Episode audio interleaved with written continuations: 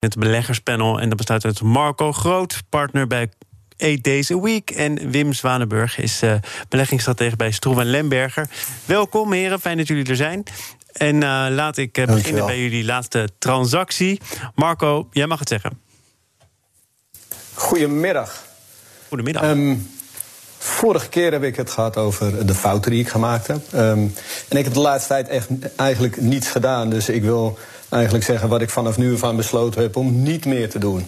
En dat heeft iets met uh, ethiek te maken. En, uh, een voorbeeld is, toen ik laatst bij jullie was, toen is kort daarna zijn alle medicijnen aangekondigd, of alle vaccins. En je ziet direct dat aandelen als Shell en andere oliemaatschappijen, de airlines, de olieindustrie, dus de SBM's en de Fugro, meteen een rit daarop maken. En ik wil eigenlijk niet meer meedoen in die rit. Um, het is heel duidelijk dat hij eraan komt. Het is een mooie beweging. Je kan er geld aan verdienen, maar iets in mijn uh, gevoel of mijn ethiek zegt dat ik op die manier geen geld meer wil verdienen. Dus ik heb besloten om dat niet meer te doen vanaf nu en alleen te beleggen in aandelen en bedrijven die wel een duurzame outlook hebben. Ja, je hebt daar uh, ook over geschreven op je eigen site, marcogroot.com voor de liefhebber. Ja. Uh, waarin je ook onder andere over Shell schrijft. Daar zullen ze ja. jouw bewoordingen, namelijk dat zij geen duurzame strategie hebben, toch proberen te bestrijden. Uiteraard, en dat mag ook zeer zeker. En eigenlijk is het een beetje vervelend hè, voor Shell om het op een hele milde manier te zeggen. Maar zij willen die transitie wel maken. Alleen de, de business die ze hebben, die oude olieindustrie, die levert niet genoeg cashflow op om die transitie te maken. Dus het is een, een duivels dilemma voor het bedrijf. En wat ik op mijn website ook heel duidelijk beschreven heb, is dat de prioriteiten verkeerd zijn. De eerste prioriteit is namelijk onderhoud, uh, investeringen en het dividend betalen aan aandeelhouders. Tweede prioriteit is uh, schulden terugbetalen. Derde is meer geld teruggeven aan aandeelhouders. En vier is investeren in duurzaamheid. Volgens mij zijn die prioriteiten dan niet in de juiste volgorde. Jij, jij gaat vanaf nu alleen nog maar geld stoppen in bedrijven waar duurzaamheid echt op één staat dan? Ja, Kijk. Ja. En het gaat niet alleen om duurzaamheid. Het, het, het, hoeft niet zo zijn dat zij de duurzame transitie maken of uit duurzaamheid geboren zijn als het product of het businessconcept dat in zich heeft, dan vind ik dat fantastisch. En dat is waar ik, waar ik eigenlijk achter wil staan. We praten zo meteen door over alle turbulente bewegingen... daar waar het gaat over elektrische auto's en bedrijven... die daar zijdelings ook mee te maken hebben. Maar Mooi eerst, zo. Wim, voordat ik het vergeet... jij hebt misschien wel echt een laatste transactie. Ja, ik heb wel een uh, laatste transactie. En overigens, uh, onze beleggingen liggen ook steeds meer in lijn van uh, duurzaamheid. Maar duurzaamheid kan je op twee manieren uitleggen. Hè. Duurzaamheid, groene duurzaamheid... zeg maar de in deze wereld... de zogenaamde milieucriteria maar ook de bestendigheid van het eh, business model en uh, de toenemende vraag en groei. En uh, de laatste transactie die ik in dat opzicht ook kan melden is een individuele aandelentransactie. Wij hebben een belegging gedaan in Coloplast. En uh, dat is een, uh, een, Deense onderneming, maar uh, in Europa, maar ook wereldwijd actief op het gebied van stomazorg, continentiezorg, urologische zorg, wond- en huidverzorging, continentiematerialen. En dat is dus niet alleen voor de, de allerjongsten, maar ook steeds meer voor de, voor de ouderen. En dan denk je duurzaamheid omdat grote delen van de wereld te maken krijgen met vergrijzing en mensen vergrijzing wat dat betreft. Het, eh, het bedrijf is overigens uh, niet zo uh, grijs, al is het al wel in 1957 opgedicht, maar sinds 1983 ook op de beurs in Kopenhagen genoteerd. ja, we zien, zij, zij handelen natuurlijk in continentiematerialen, daar zit natuurlijk ook plastic bij. Maar ze hebben ook daar duurzaamheid hoog in het, in het vaandel staan. En ze zien een enorme groeimarkt, zowel nou in de VS als in China bijvoorbeeld. Als, als, als ze gewoon plastic als uitgangspunt hanteren en uh, die duurzame alternatieven iets minder prioriteit geven. Denk jij dan, hé, hey, dat is toch interessant, want uh, mensen worden steeds ouder, we vergrijzen met elkaar, uh, dus daar stap ik in? Of doe je dat alleen als je zeker weet dat het duurzaam is?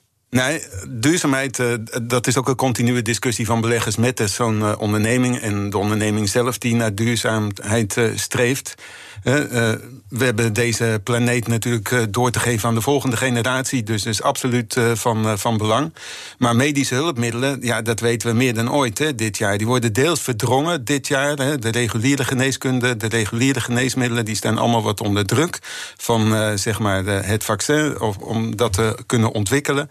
Maar de onderliggende vraag die groeit natuurlijk nog heel sterk. En dat zien we ook bij, bij Coloplast.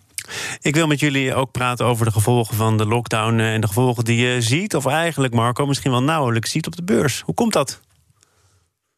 Ja, ik denk, ik denk dat het een, een, een functie is van twee bewegende delen. Aan de ene kant uh, wil je dat richting het einde van het jaar bedrijven een hint geven over hoe het gegaan is en hoe het volgend jaar zal gaan.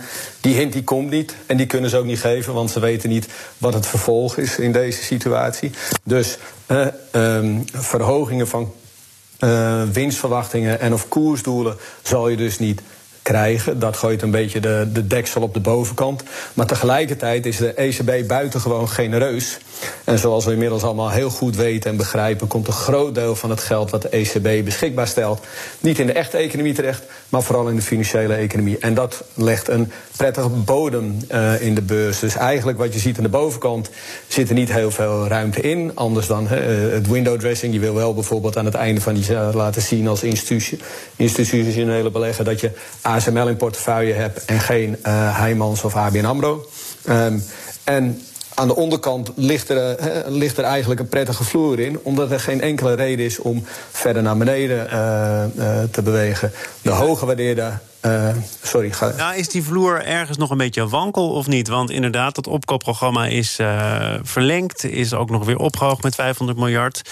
en kan eventueel nog weer langer doorlopen. Maar Lagarde heeft ook gezegd: het hoeft niet per se allemaal te worden uitgegeven. Dus welk signaal wordt hier nu mee afgegeven, Marco? Het signaal wat hiermee wordt afgegeven is eigenlijk dat de markt beschermd zal worden. De ECB heeft er helemaal niets aan als aandelenkoersen in elkaar donderen. Want dat geeft ook een verkeerde reactie uh, voor wat betreft het vertrouwen in de breedste zin des woords. Dus ik denk echt dat ze rentetarieven laag zullen houden. Dat op momenten dat het nodig is, het kraantje weer iets verder opengezet ja, zal worden. Met die conclusie ben ik het wel, uh, wel eens, uh, Marco, dat de rente voorlopig Sorry, uh, no, nog niet. om nog even af te maken. Deutsche Bank heeft een enquête onder zijn institutionele klanten en zijn buitengewoon rijke klanten rondgestuurd. En iedereen is eigenlijk positiever dan ooit tevoren. Normaal gesproken is dat een negatieve indicator. Maar in dit geval is er zoveel geld beschikbaar dat het eigenlijk uh, uh, die vloer, wat mij betreft, heel hard aanstamt. Nou, daar ben ik het ook wel mee, mee, eens. Maar ik denk niet dat er een uh, forse deksel bovenop zit. Uh, vanwege de blijvend lage rente zoeken beleggers inderdaad naar alternatieven. En zijn daarbij wat meer risico geneigd. Kijken over de kloof heen, want dat is per definitie. Hè, deze crisis, uh, die is eindig. Al krijgen we af en toe een tikkie terug. En misschien wel een hele forse tik terug met strenge maatregelen en een nieuwe lockdown. Maar we weten dat het vaccin eraan komt. En we weten dat het uitgerold wordt. En dat was eerlijk gezegd ook eerder dan verwacht, hè, begin november.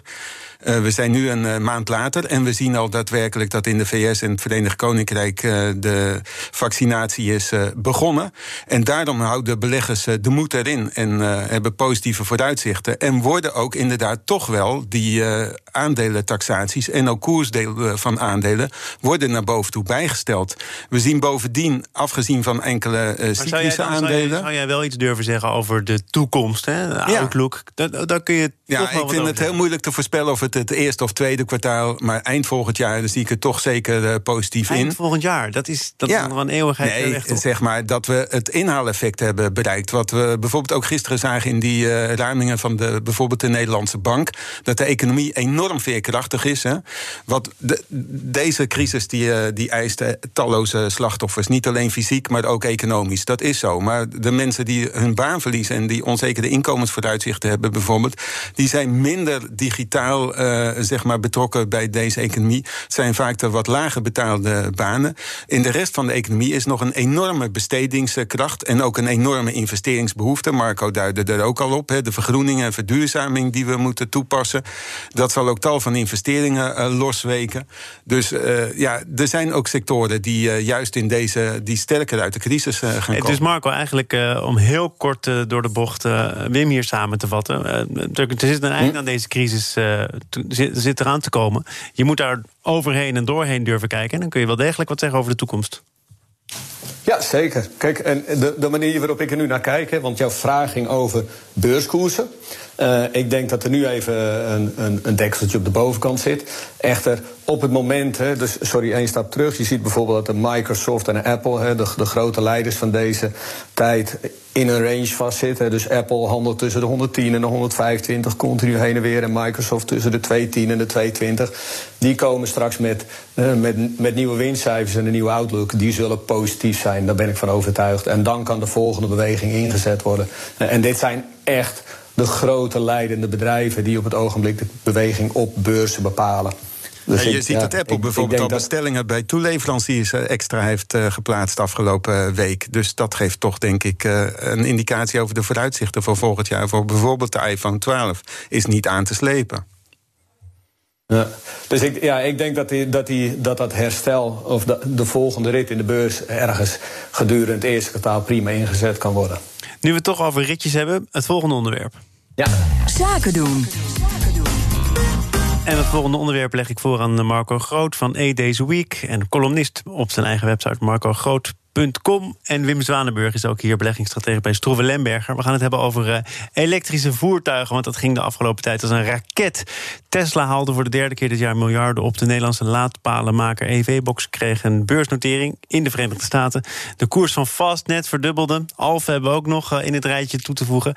Wim, hoe lyrisch ben jij als het aankomt op uh, elektrisch rijden en alles wat daarmee samenhangt? Nou, het is een uh, van de dingen waar onze performance, die overigens heel goed is dit jaar, maar relatief nog wat is uh, achtergebleven. Oh. Want wij zaten niet in Tesla. Dat hebben wij niet uh, gewild. Als je kijkt, het analist-universum is heel erg verdeeld.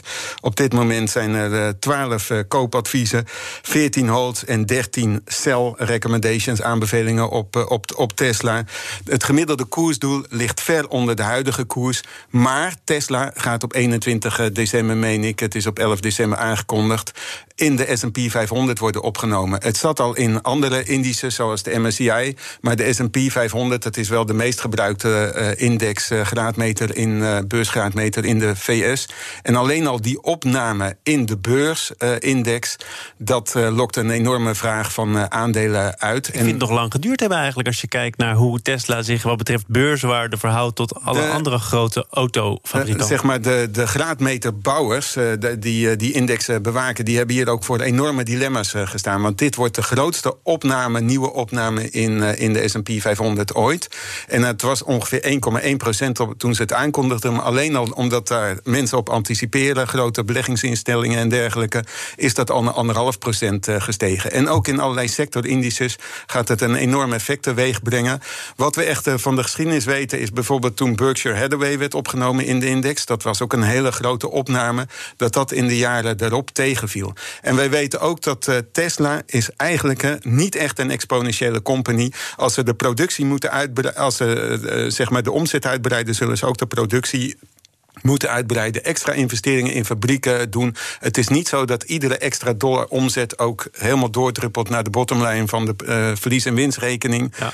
Dus ja, bovendien komt het, zitten de andere autoproducenten niet stil. Nee, die gaan hier miljarden in investeren. We hoeven het ook echt niet alleen over Tesla te hebben. Dat is een, een mooi beginnetje, omdat het wel iets zegt over de ontwikkeling van de hele branche, de hele ontwikkeling. Marco, hoe kijk jij naar Tesla en dan uh, verdiepend naar de hele ontwikkeling daarachter? Ja, mag ik een half uurtje nemen? Ik vind, nou, ja, je, ik vind het de echt. 20 minuten niet meer te horen, maar je mag blijven praten hoor. Precies. Nee, ik vind het een fantastisch onderwerp. En uh, ik, vind het, uh, ik vind het prachtig wat hier gebeurt. Uh, laatst heeft Goldman Sachs gezegd dat het aandeel 780 dollar waard is. Um, en als ik dan het interview luister uh, op CNBC met de analist, dan zegt hij: ja, het kan een keer terugbewegen naar 500, weekly, RSI. Het aandeel is overboord. Dan denk ik: oké, okay, wat een geoude hoer. Je hebt het helemaal niet over de fundamentele waarde, je hebt het over de technische beweging van het aandeel. JP Morgan zegt dat het aandeel 90 euro waard is en vergelijkt het met het aantal auto's van wat Ford uh, produceert. Ja, Eén stapje terug wat ik heb dollar gedaan. gezegd, terwijl het aandeel toen ja. ongeveer een, een waarde aantikte van 650 dollar, toch? Dus dat is wel ja, grandioos precies. naar beneden.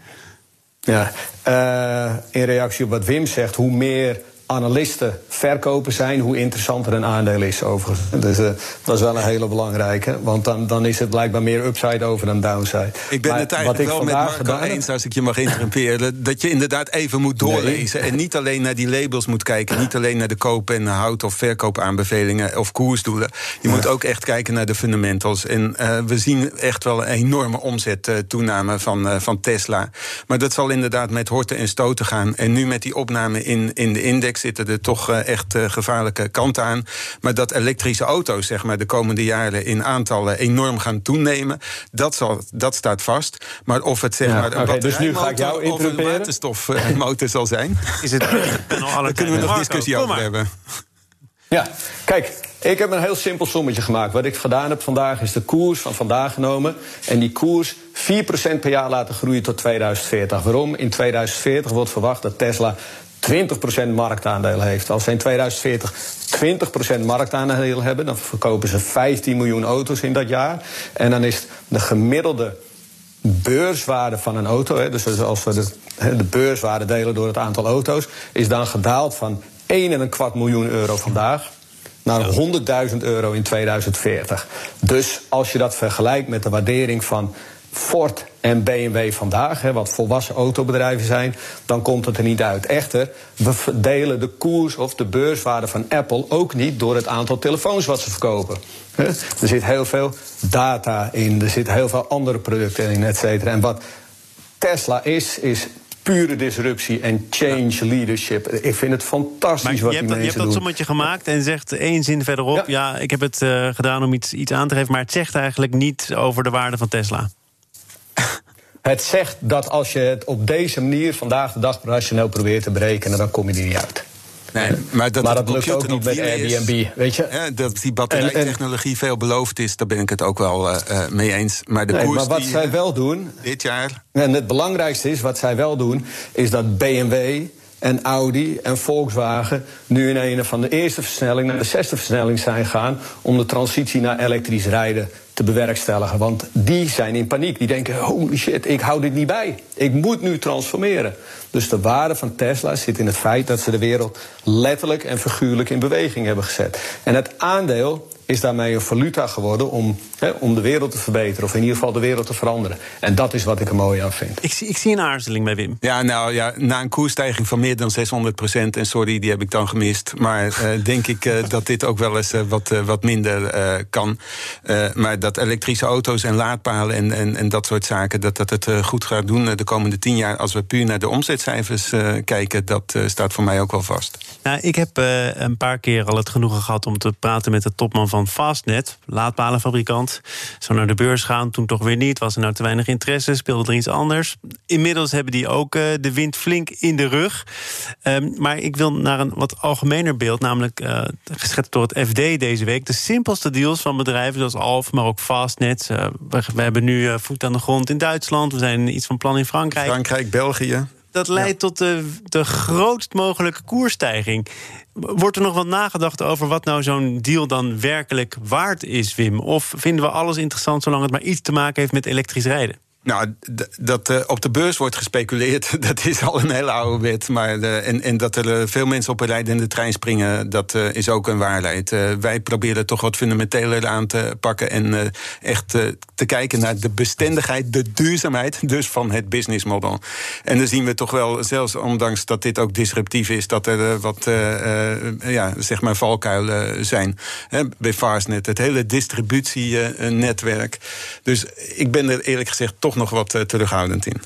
Marco, eh, het is al een paar keer voorbij gekomen, maar jij schrijft uh, columns tegenwoordig op je eigen website. En je hebt ook een groot stuk gewijd aan beleggen in lithiumbedrijven over de groene golf en wat nou de zin en de onzin is van beleggen in, in dus onder andere lithiummijnen. maar je kwam er volgens mij ook achter dat, dat er heel veel wordt geroepen, onder andere, bedankt voor het noemen, op BNR, maar dat het heel lastig is om echt een beetje inzicht te krijgen in waar je dan in zit. Ja, en, ja, en dat is ook een. Dus daarom moet je ook blijven rekenen. Daar heb ik met Wim. Uh, uh, ben ik het helemaal met Wim mee eens. Echter, op het ogenblik is, en dat is niet onbelangrijk om, om te weten, is dat er zoveel instroom is van geld wat die groene deur door wil. En er zijn veel minder beleggingen daadwerkelijk goede beleggingen beschikbaar dan het geld wat die markt instroomt. En dat zorgt ervoor dat je die exponentiële koersbewegingen krijgt. Eén stap terug. Als je kijkt naar de, de zin en de onzin in, in deze situaties. Ik vind dat Alphen een echt bedrijf is. Ik ben een klant, ik hang één keer per week aan de paal bij hun. Als ik uh, naar het noordoosten van Nederland heen en weer rijd. Ik ben een echte klant van EV-Box, want ik gebruik die dingen op het moment dat ik aan de paal hang. Uh, dus dat zijn echte producten. Het is de beurs of het publiek, de massa die daar een waarde aan toekent. Maar deze bedrijven doen echt iets wat werkt. En die zitten in een, in een groeifase. En die groeifase, daarin wordt altijd de toekomst verdisconteerd. Dus je hebt twee effecten. Eén is we halen de toekomst heel lang naar voren omdat we zien dat het noodzakelijk is.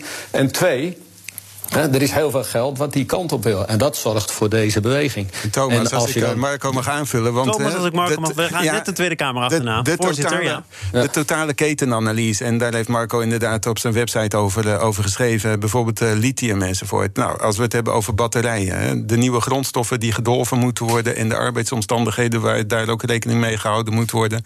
Dus uh, de komende jaren valt er nog ontzettend veel te doen... om het, om het te verduurzamen. Maar dat je op sommige terreinen dus ook kanttekeningen plaatst, is denk ik uh, wel, uh, wel terecht. Uh, ja, de groei van de omzet is niet alleen de enige succesindicatie, denk ik. Heren, als ik jullie allebei mag bedanken, dan ga ik dat nu doen. Want het is voorbij gevlogen. Marco Groot, Wim Zwanenburg, dank voor jullie komst, voor jullie bijdrage aan dit beleggerspanel. Dit was het namelijk Dankjewel. voor vandaag, wat betreft BNR Zaken doen. Morgen dan is Maurice Crucio te gast. En hij is de voorzitter van de Kappersbond, ANCO. En met hem gaat het uiteraard over de impact van de lockdown op kappers en wat de branche kan doen tegen de zogeheten achterdeurknippers. Want die gaan in sommige gevallen gewoon door. Dat hoor je dus morgen in BNR Zaken doen. Zometeen eerst Newsroom, gepresenteerd door Mark Beekhuis. Dat is onze dagelijkse podcast van het FD en BNR. Geniet daarvan en uh, wacht maar tot morgen 12 uur. Dan ben ik weer terug met BNR Zaken doen. Tot dan. Bij BNR ben je altijd als eerste op de hoogte van het laatste nieuws. Luister dagelijks live via internet. Jelle Maasbach. Wesley Weert. We zijn er voor je met het leukste, opvallendste, maar natuurlijk ook het belangrijkste nieuws. Tijdens de presentatie van die halfjaarcijfers toen die beurskoers in elkaar kukkelde. BNR Beurs. Voor de slimme belegger. Blijf scherp en mis niets.